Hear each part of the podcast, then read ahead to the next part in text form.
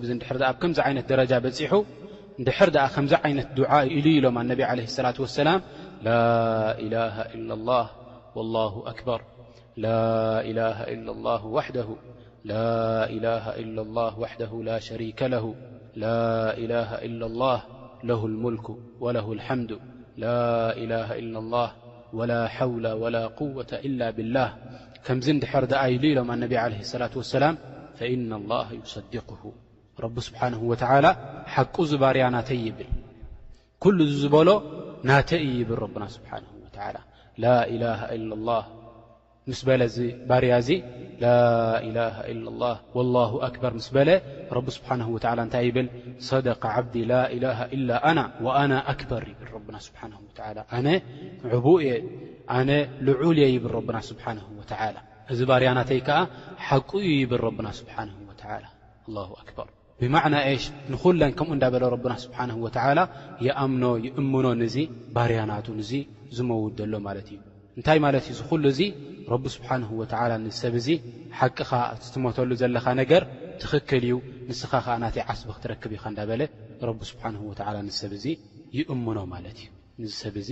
ይእምኖ ማለት እዩ ሃዛ ከዛሊካ ኤሽ ሓደ ሰብ ኣብ ከምዚ ዓይነት እንድሕር ድኣ በጺሑ ድብሎ ዱዓእ ማለት እዩ። ጠይብ ብድሕሪኡ እቶም ኣብ ጥቅኡ ዘለዉ ሰባት ምስ ረኣይዎ እንድሕር ደኣ እታ ሩሕ ናቱ ክትወጽእ ቀሪባ ኣብ ሞት ገጹ እንድሕር ደኣ ቀሪቡ እንታይ ክገብሩ ይግብኦም? ተልቂን ኣልሙሕተድር ዝበሃል ኣሎ። ተልቂን ኣልሙሕተድር እንታይ ማለት እዩ? ያዕኒ ሓደ ሰብ ክመውት እንከሎሲ ላኢላሃ ኢለላህ ትልቅኖ፣ እዛ ላኢላሃ ኢለላህሲ ተዘኻኽሮ ማለት እዩ። እዛ ላኢላሃ ኢላላህ ተዘኻኽሮ። ገለ ገለ ሰባት እንታይ ይብሉ ማለት እዮም፣ ነዚ ሰብ እዚ ኣብ ጥቕኡ ኾንካ ላኢላሃ ኢላላህ ሙሓመድ ረሱሉላህ ጥራሕ ኢኻ ትብል ኢሎም። ላኪን ኣሱና እንታይ መፂኡና ማለት እዩ፣ ኣነቢይ ዓለይሂ ሰላቱ ወሰላም ከምቲ ዝበልዎ፣ ወኢን ካን ፊህ ኺላፍ በይነ ኣህለል ዕልም፣ እንታይ ትብሎ ማለት እዩ፣ ነዚ ሰብ እዚ ዝመውት ደሎ ቁል ላኢላሃ ኢላላህ ትብሎ። ላኢላሃ ኢላላህ በል ትብሎ ነዚ ዝመውት ደሎ፣ ኣብ ኣፍ ደገ ሞት ደሎ ሰብ። ላኢላሃ ኢላላህ በል እናበልካ ትደጋግመሉ እዚ ሰብ እዚ ምእንቲ ኣብ ላኢላሃ ኢላላህ ክመውት እዚ ሰብ እዚ እንታይ ኢሎምና ነብዩና ዓለይሂ ሰላቱ ወሰላም መን ካነ ኣኺሩ ከላሚሂ ላኢላሃ ኢላላህ ደኸለል ጀና ኣላሁ ኣክበር ካብዛ ኣዱንያ እዚኣ ክወጽእ እንከሎ ኣኸር ከላም ናቱ ናይ መጨረሻ ዘረባ ናቱ ላኢላሃ ኢላላህ እንድሕር ደኣ ነይራ ኮይና እዚ ሰብ እዚ ጀና ክኣትው ኢሎም ኣነቢ ዓለይሂ ሰላቱ ወሰላም لذلك ነዚ ሰብ እዚ ዝመውት ዘሎ ኣብ ጥቕኡ ኮንካ እንታይ ክትከውን ኣይግበኣካን ያዕኒ ንስኻ ክትፈርሕ ልብኻ ናፍትን ናፍትን ክብል ኣይግበኦን ንምንታይ እዛ ወቕቲ እዚኣ ሓስም ዝኾነት ወቕቲ እያ እዚ ሰብ እዚ ካብዛ ኣዱንያ እዚኣ ብላኢላሃ ኢለላህ ንኽወጽእ ንሕርሲ ክትገብር ይግበኣካ ክትሕልዎ ይግበኣካ እንተጸኒሕካ እንታይ ክትገብር ኣለካ ቁል ላኢላሃ ኢለላህ እንዳበልካ ከተዘኻኽሮ እዚ ሰብ እዚ ይግበኣካ ማለት እዩ እንታይ ክትገብር ኣለካ ጠብዓ ተለጡፍ እንዳገበርካ ምእንቲ ሰብ እዚ ካብቲ ትብሎ ዘለኻ እንዚዓጅ ከይገብር ከይበላ ምእንቲ ከይወፅእ ጠብዓን ላኢላሃ ኢላላህ እንታይ ናታ ድምኒ ናታ እንታይ ኣለዋ ማለት እዩ ላኢላሃ ኢላላህ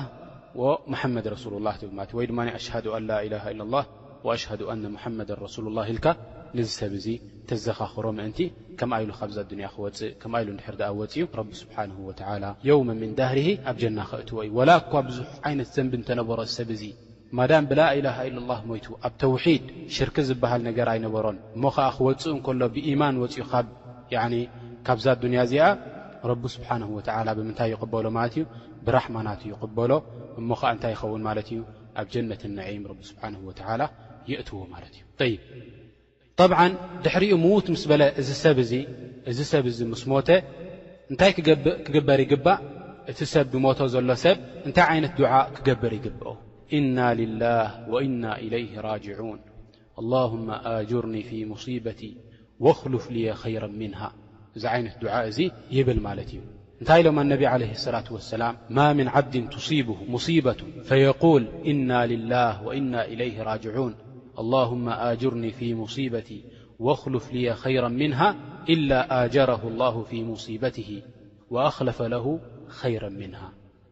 ሓደ ሰብ ዝኾነ ዓይነት በላእ ኣጋጢምዎ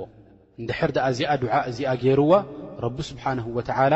ካብኡ ካብቲ ዝሓለፎ ነገር ድበልጽ ይህቦ ረብና ስብሓነሁ ወተዓላ እሞ ኸኣ ኣብቲ ወሪድዎ ዘሎ ሙሲባ ድማ ኣብቲ ወሪድዎ ዘሎ ሽግር ድማ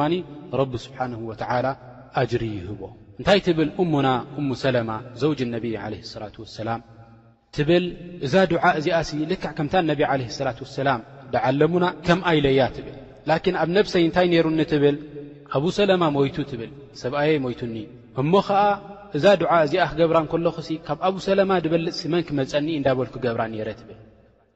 ላኪን ልክዕ ከምታ ነቢ ዓለይሂ ሰላቱ ወሰላም ድዓለምዋ እትባዕን ሊሱና ኢላ ስለ ዝገበረታ ረቢ ስብሓነሁ ወተዓላ ካብኡ ድበልፅ ሂብዋ ማለት እዩ። ካብቲ ዝሓለፋ ንላዕሊ ረቢ ስብሓነሁ ወተዓላ ሂብዋ። እሱ ኸዓ እንታይ እዩ? ተዘወጀሃ ኣነቢይ ዓለይሂ ሰላቱ ወሰላም ኣነቢ ዓለይሂ ሰላቱ ወሰላም ተመርዕዮማ ካብ ኣቡ ሰለማ ድበልፅ ረቢ ስብሓነሁ ወተዓላ እንታይ ገይሩላ ማለት እዩ? ያዕኒ ኣብደለልሃ ኸይረን ሚንሁ ካብኡ ዝበልፅ ሂብዋ ማለት እዩ። ሊዛሊክ ሓደ ሰብ እንታይ ክገብር ኣለዎ? ክቃላጠፍ ኣለዎ ነዚ ነገር እዚ ክብል። ከምቲ ረብና ስብሓነሁ ወተዓላ እንታይ ኢሉ ኣብ ቁርኣን ክዛረበና እንከሎ ኣለዚነ ኢዛ ኣሳበትሁም ሙሲበቱን ቃሉ ኢና ሊላህ ወኢና ኢለይሂ ራጅዑን ሽዑ እንታይ ኢሉ ረብና ስብሓነሁ ወተዓላ ኡላኢከ ዓለይሂም ሰለዋቱ ሚን ረቢሂም ወራሕማ ወኡላኢከ ሁሙል ሙህተዱን ኢሉ እዞም ሰባት እዚኣቶም እዚ ኹሉ ዓስቢ እዚ ካባይ ኣለዎም ይብለና ረብና ስብሓነሁ ወተዓላ። ሊዛሊክ እንታይ ክንገብር ይግብኣና? ንዕኡ ክንጓየ ይግብኣና። ምስቲ ተሰሚዑና ዘሎ ሓዘን፣ ምስቲ ተሰሚዑና ዘሎ ጭንቂ እዚታት ክንርስዕ ኣይግብኣናን። ንምንታይ? ነሕልፍ ስለ ዘለና ንኣኼራ። ንኣኼራ ስለ ነሕልፍ ዘለና ማለት እዩ። ብድሕሪኡ እንታይ ይብል ማለት እዩ? እቲ ሰብ እንታይ ኢሉ ዱዓ ይገብር ንቶም ስድራ ቤት ሞይትዎም ዘሎ ሰብ? ኣላሁመ ኣግፊር ሊፉላን ይብል። ነቲ ሞይቱ ዘሎ ሰብ ብሽሙ ይጠቕሶ።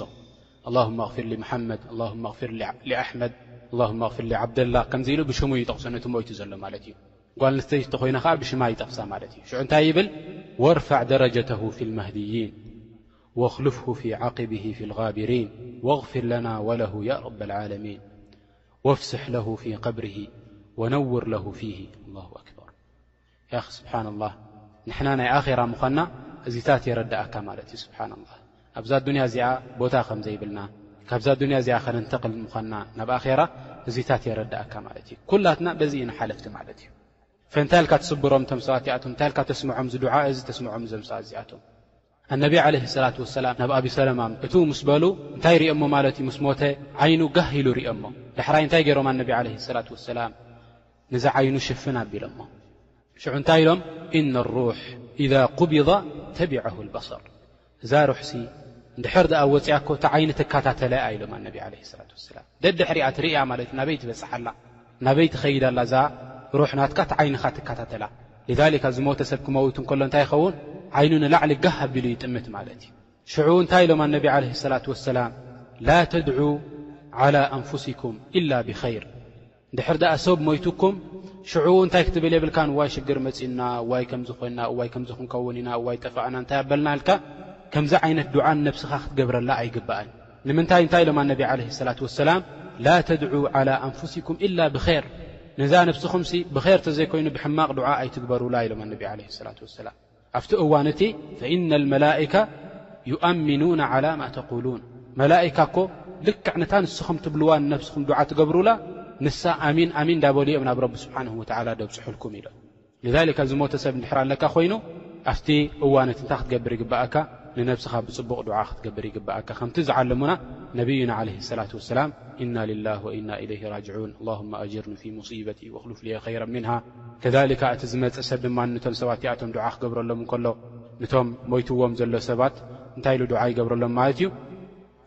ከምዚ ዓይነት ዱዓ ይገብረሎም ማለት እዩ። እሱ ኸዓ እንታይ እዩ? ኣላሁመ ኣግፊር ሊፉላን ቢስሚሂ ንዕኡ ብሽሙ እንዳጠቐሰ ማለት እዩ። ወርፋዕ ደረጀተሁ ፊል ማህድይይን ደረጃ ናቱሲ ክብ ኣብሎ ትብሎ ማለት እዩ። ወኽሉፍሁ ፊ ዓቅቢሂ ፊል ጋቢሪን ንቶም ብድሕሪኡ ገዲፍዎም ዘሎ ድማ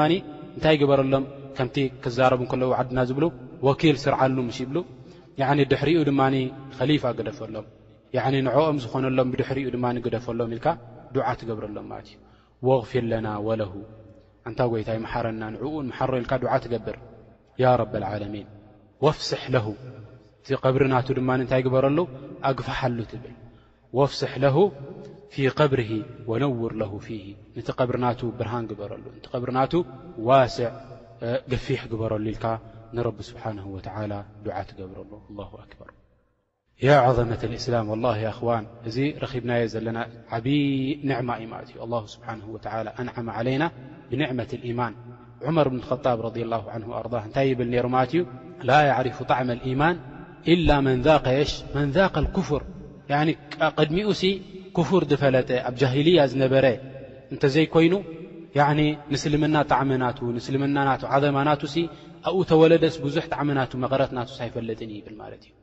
لذلك እንድሕር ድኣ ርኢኻ ሓደ ሰብ ኣብ ደይእስልምና እንድሕር ድኣ ነይሩ ኮይኑ ክርስትያን እንድሕር ነይሩ ወይ ድማ የሁድ እንድሕር ድኣ ነይሩ ወይ ሲኽ እንድሕር ነይሩ ናብ እስልምና ምስ ኣተወ ርኣይዎም ካብቶም እስላም በቦኦምን በዴኦምን ተወለዱ ሰባት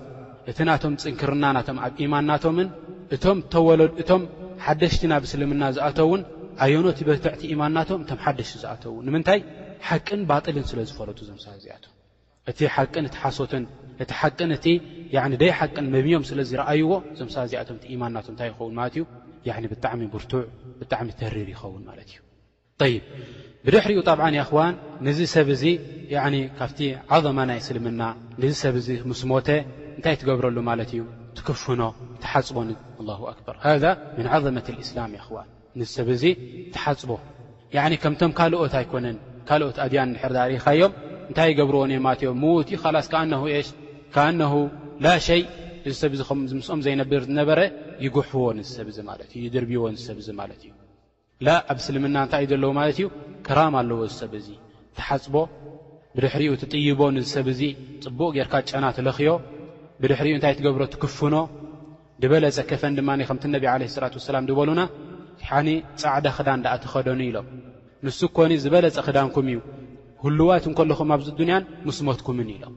ብማዕና እሽ እንኮለኻ ኣብዚ ዱንያ ጻዕዳ ክዳን ቶብ ክትክደን ድበለጸ ይኸውን ማለት እዩ። ከዛሊካ ምስ ሞተ ድማ ንሓደ ሰብ ብጻዕዳ ከፈን ጌርካ ክትክፍኖ እንከለኻ ዝበለጸ ክዳን ኣኽዲንካዮ ነዚ ሰብ እዚ ማለት እዩ። ትክፍኖ ንዚ ሰብ እዚ ብድሕሪኡ ሒዝካዮ ኬድካ እንታይ ትገብረሉ ኣሰላት ዓለይህ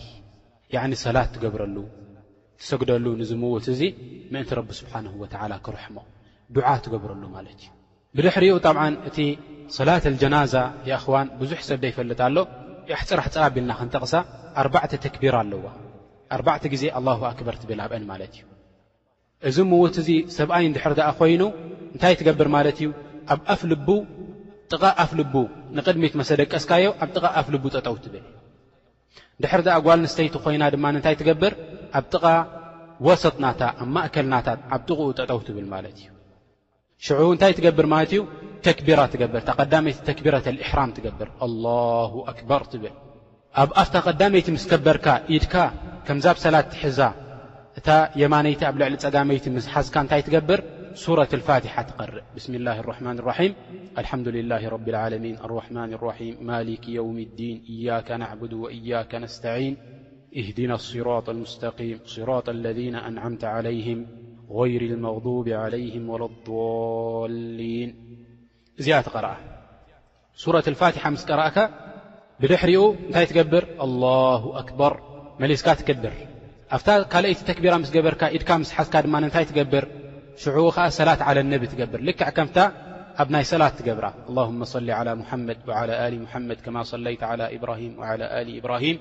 ኢነከ ሓሚዱ መጂድ ወባሪክ ዓላ ሙሓመድ ወዓላ ኣሊ ሙሓመድ ከማ ባረክተ ዓላ ኢብራሂም ወዓላ ኣሊ ኢብራሂም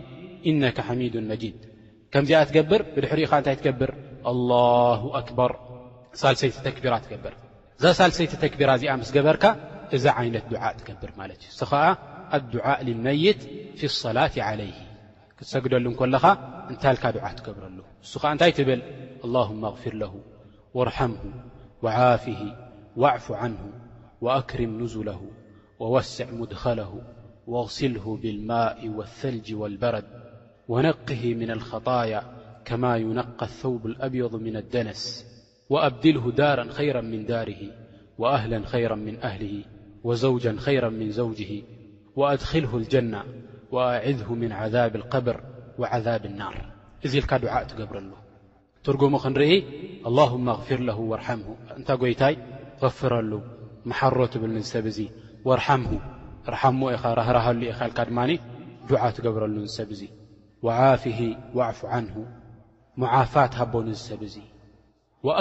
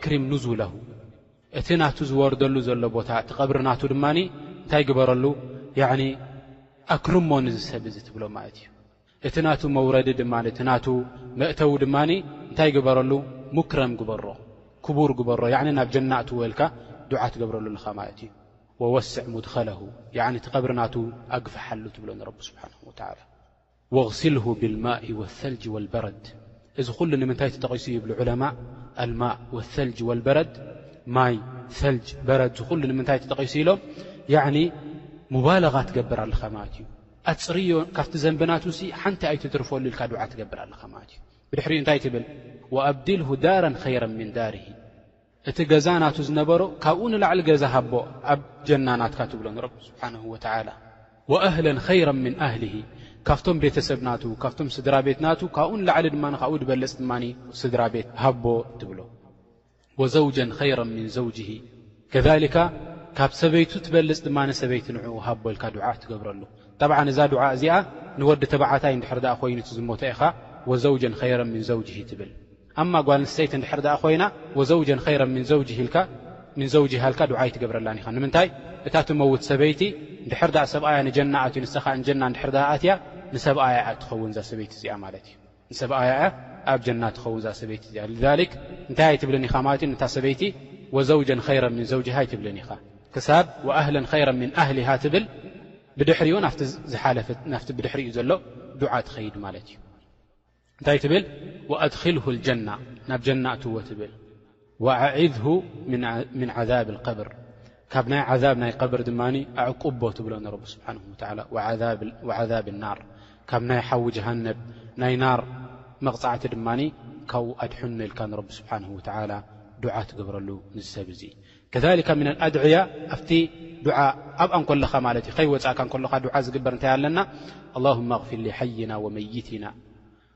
وشاهدنا وغائبنا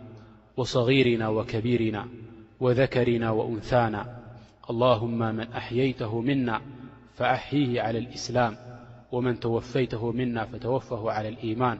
اللهم لا تحرمنا أجره ولا تضلنا بعده لك دعة تقبر أنت ي ن رحمنا تبل اللهم اغفر ل حينا نم بهوتنا زلنا ست ፍና ረና ብሎ ወመይቲና ነቶም ሞይቶሙና ዘለዉ ሰባት ድማ ወሻሂዲና ወጋኢቢና ኩሉ እዚ እንታይ ማለት እዩ ሊጀሚዕ ልሙስሊሚን ወልሙስሊማት ንኹላቶም መሓሮም ቐፍረሎም ኢልካ ዱዓ ትገብረሉ ኣለኻ ንረቢ ስብሓንሁ ወተዓላ ማለት እዩ ብድሕሪኡ እንታይ ትብል ኣላሁማ መን ኣሕየይተሁ ምና ፈኣሕይሂ ዓላ ልእስላም እንድሕር ድኣ ብህይወት ናብዛ ኣዱንያ ኣለና ኾይና ንዓኻ ሙስተስልሚን ግበረና ንዓኻ በቲ ዝኣዘዝካና ንኸይድ ግበረና ኣብ እስልምና ሓያት ሃበና ትብሎ ንረቢ ስብሓንሁ ወተዓላ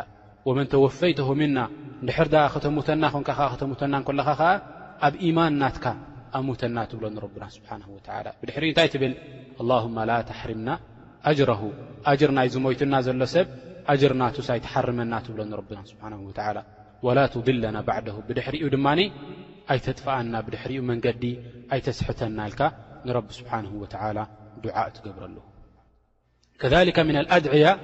دحردعدل ختوخ ونتي تبل معلت ي اللهم إن فلان بن فلان في ذمتك ي كل و كل تبل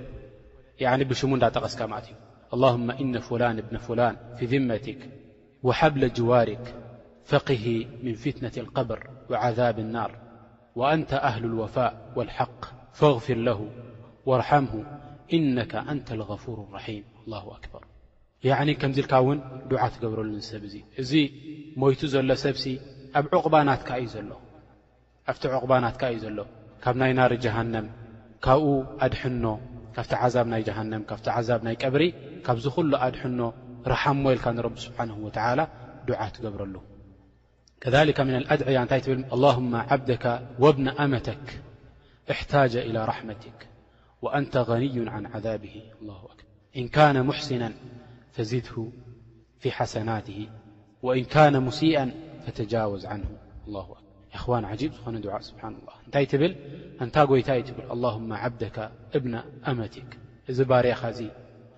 ወዲ ባርያኻ ድኾነ እሕታጀ ኢላ ራሕመቲክ ናብቲ ናትካ ራሕማ ብጣዕሚ እዩ ዝደሊ ኣብዚ እዋን እዚ ትብል ንምንታይ ኣብ ትሕቲ ጉድጓድ እዩ ኣትዩ ያዕኒ ንዚ ሰብ እዚ ክሰግድ ኣይክእል እስትቕፋር ክገብር ኣይክእል ቶባ ክገብር ኣይክእል ኻላስ ኣብ ዳር ኣልጀዛእ እዩ ኣትዩ ማለት እዩ ናይቲ ዓስቢ ዝርከበሉ ቦታ እዩ ኣትዩ። ንስኻ እንታይ ትገብረሉ ኣለኻ? ትጽውዓሉ ኣለኻ ንረቢ ስብሓነሁ ወተዓላ፣ ትልምነሉ ኣለኻ ንረብና ስብሓነሁ ወተዓላ። እንታይ ትብል? እዚ ሰብ እዚስ ራሕማ ናትካ ዝደልየሉ እዋን እዩ እዚ እዋን እዚ ትብል። ወኣንተ ገኒዩን ዓን ዓዛቢሂ ንዕኡ ንኽትዕዝቦ ድማ ንስኻ ዘድልየካ ኣይኮነን ትብሎ ንረብና ስብሓነሁ ወተዓላ። ንስኻሲ ሃፍታም ኢኻ። ንሱ እንድሕር ደኣ በዓል ኼር ነይሩ ኾይኑ እቲ ኼር ንነብሱ እዩ፣ እንድሕር ደኣ በዓል ሸር ነይሩ ኸኣ ንሸር ንነብሱ እዩ። ንዓኻ ዒባዳ ገይሩልካ ዝውስኸልካ ነገር የብሉን። ንዓኻ እንድሕር ደኣ ማዕስያ ገይሩልካ ዘጉድለልካ ወላ ሓንቲ የብሉን። እንድሕር ደኣ ዓዚብካዮሲ ወላ ሓንቲ እንታይ የብሉን ያዕኒ ኣንተ ገኒዩን ዓን ዓዛቢሂ ትብሎ ንረቡና ስብሓነሁ ወተዓላ። ኣይትዓዝቦ ኢልካ ትልምነሉ ንረቡና ስብሓነሁ ወተዓላ። ኢን ካነ ሙሕሲነን ፈዚድሁ ፊ ሓሰናቲህ እንድሕር ደኣ በዓል ጽቡቕ ነይሩ ኮይኑ ኣብቲ ጽቡቕና ትወስኸሉ ኢልካ ንረቢ ስብሓነሁ ወተዓላ ትልምኖ ወኢን ካነ ሙሲኣን እንድሕር ደኣ በዓል ሕማቕ ተግባር ነይሩኸ ፈተጃወዝ ዓንሁ መሓሮ ኣንታ ጎይታይ ካባኻ ንላዕሊ ዝምሕር የለን እንዳበልካ ንረብና ስብሓነሁ ወተዓላ ዱዓ ትገብረሉ ጠይብ ጠብዓን ምስኡ እንታይ ክኣትው ይኽእል እንድሕር ደኣ እቲ ሞይቱ ዘሎ ሰብ ከኣ ንእሽተይ ቆልዓ እንድሕር ደኣ ኮይኑ እንታይ ኢልካ ዱዓእ ትገብረሉ እንታይ ትብል ኣላሁመ ኣዒዝሁ ምን ዓዛብ ልቀብር ኣንታ ጎይታይ ካብ ዓዛብ ናይ ቀብሪ ኣድሕኖ ንዚ ሰብ እዚ ኢልካ ዱዓእ ትገብረሉ ከዛሊካ ምን ኣልኣድዕያ እንታይ ትብል ኣላሁመ እጅዓልሁ ፈረጠን ወዙኽረን ሊዋሊደይሂ وشفيعا مجابا اللهم ثقل به موازينهما وأعظم به أجورهما وألحقه بصالح المؤمنين واجعله في كفالة إبراهيم وقه برحمتك عذاب الجحيم وأبدله دارا خيرا من داره وأهلا خيرا من أهله اللهم اغفر لأسلافنا وأفراطنا ومن سبقنا بالإيمان ازلكأعت قبرلمالت ንመን እዩ እዚ ድሕር ድኣ እቲ ዝሞተ ቆልዓ እንድሕር ድኣ ኮይኑ ንእሽተይ እንድሕር ድኣ ኮይኑ ደይበፀሐ እንድሕር ድኣ ኮይኑ ማለት እዩ እንታይ ትብል ኣላሁመ ኣጅዓልሁ ፈረጠን እዚሲ እንታይ ግበሮ ትብል ማለት እዩ ፈረጥ እንታይ ማለት እዩ ሳብቕ ማለት እዩ ዝቐደመ ግበረሎም ትብል ንቶም ወለዲ ናቱሲ ዝቐደመ ግበረሎም ያዕኒ ኣብቲ ቅድሚት ናቶምሲ ኣጅሪ ግበረሎም ሞት ናይዚ ቆልዓ እዚ ትብል ማለት እዩ ወሸፊዐን ሙጃበን እንታይ ግበረሎም እዚ ኸኣ ሸፊዓ ግበረሎም ንዓኣቶም ያዕኒ ዋሕስ ዝኾነሎም ግበረሎም ናፍቲ ዓዛብ ናትካ ንኸይተእትዎም ንምንታይ ዝኾነ እንድሕር ድኣ ቆልዓ ሞይቱ እንታይ እዩ ድኸውን ማለት እዩ ንቶም ወለዲ ናቱ ሸፊዕ እዩ ድኸውን ማለት እዩ ኢንሕተሰብሁ ኢላ ላሂ ስብሓንሁ ወተዓላ ኣላሁመ ተቅል ብሂ መዋዚነሁማ በዚ ናይ ዝሰብ እዚ ሞይትዎም ዘሎ እዚ ቆልዓ እዚ ብእኡ እንታይ ግበረሎም እቲ ሚዛን ናቶም ክብ ኣብለሎም ኢልካ ንረቢ ስብሓንሁ ወተዓላ ትልምነሎም